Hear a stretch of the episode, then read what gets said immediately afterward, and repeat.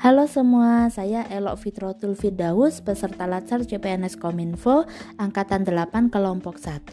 Di segmen ini saya akan menyampaikan summary atau ringkasan dari agenda 4, yaitu modul habituasi. Habituasi adalah proses pembiasaan pada atau dengan sesuatu supaya menjadi terbiasa atau terlatih melakukan sesuatu yang bersifat intrinsik pada lingkungan kerja. Habituasi ini diharapkan muncul sehingga terbentuk menjadi karakter. Yang pertama, kepedulian terhadap permasalahan yang terjadi di lingkungan kerja, baik pada level organisasi, unit kerja, atau sekurang-kurangnya dalam pelaksanaan tugas jabatan. Yang kedua, timbulnya kemampuan untuk berkontribusi atau berpartisipasi dengan melakukan aktivitas yang memberikan manfaat atas dasar keyakinan kuat terhadap sesuatu yang ideal atau seharusnya terjadi. Lalu, apa hubungan habituasi dan aktualisasi? Aktualisasi adalah sebagai intervensi agenda habituasi. Aktualisasi ini bersifat ekstrinsik.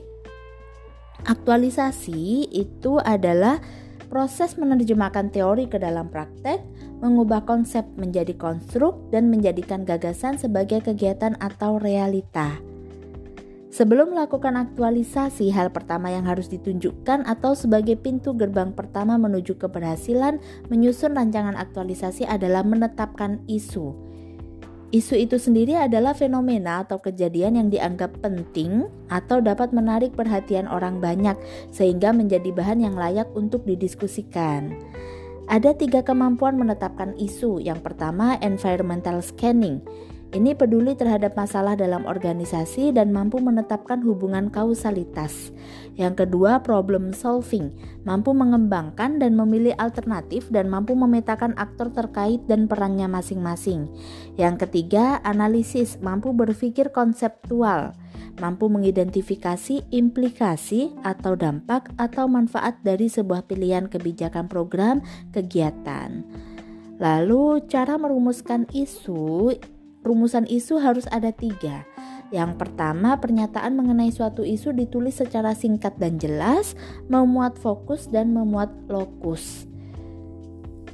Lalu, setelah kita merumuskan isu, masuk ke tahap pemilihan isu atau penetapan core isu. Ini harus ada keterkaitan mata diklat pelayanan publik, wall of government, dan manajemen ASN. Penerapan core isu ini nanti bisa berupa pemikiran konseptual atau berupa aktivitas-aktivitas.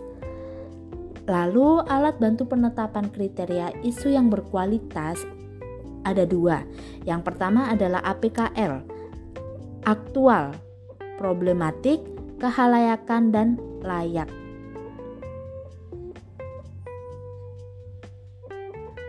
Lalu, untuk yang kedua adalah ada USG, urgency, seriousness, dan growth. Secara garis besar, tahapan pembelajaran aktualisasi yang pertama adalah proses penjelasan aktualisasi itu sendiri, kemudian proses penetapan isu, lalu menyusun rancangan aktualisasi, dilanjut dengan adanya seminar rancangan aktualisasi, kemudian melaksanakan aktualisasi. Ini tentunya adanya proses bimbingan persiapan seminar juga. Aktualisasi di tempat kerja ini harus melakukan pendalaman terhadap core isu yang dipilih. Kemudian setelah melakukan aktualisasi masuk ke proses seminar pelaksanaan aktualisasi.